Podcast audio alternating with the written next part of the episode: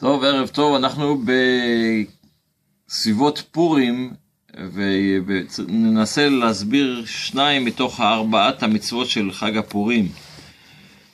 והם המשלוח מנות איש לרעהו והמתנות לאביונים. אנחנו יודעים היום כבר נכנס ברוך השם לסטייל שבחנויות מוכרים ועוזרים לנו כדי שנוכל לתת משלוח מנות אחד לשני. קונים כאיזה סלסלה ומעבירים את זה אחד לשני, אבל זה הפך להיות משהו משפחתי. בעוד שזה מצווה מוטלת על כל אחד. אז למגילת אסתר, לקריאת, מגיל, לקריאת המגילה באים גם הילדים, מביאים גם את הילדים. לסעודה מביאים גם את הילדים, עושים להם מסיבות פורים.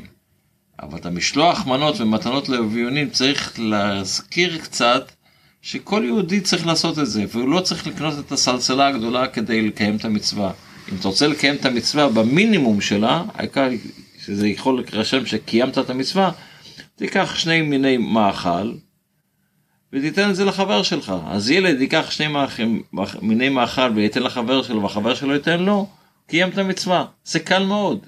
ואותו דבר גם כן, אם אין לנו עניים שאנחנו מכירים אותם ורואים אותם, יש בכל בית קופת צדקה, שני אגורות, שני מטבעות לצדקה, וקיימת את המצווה של מתנות לאביונים.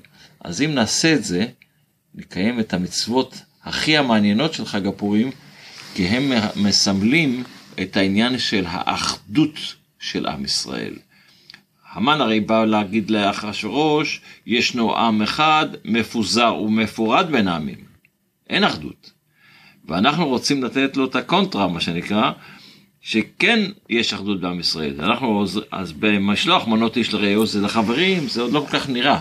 אבל במתנות לאביונים, כשאתה נותן לבן אדם שצריך, אתה לא מכיר אותו, אבל הוא צריך את העזרה, ואתה נותן לו, אז זה מראה שאנחנו כולנו מאוחדים, והאחדות הזו תביא לנו את הגאולה, שיהיה מסמך גאולה לגאולה, ונזכה לגאולה האמיתית והשלמה על ידי משיח צדקנו בקרוב ממש.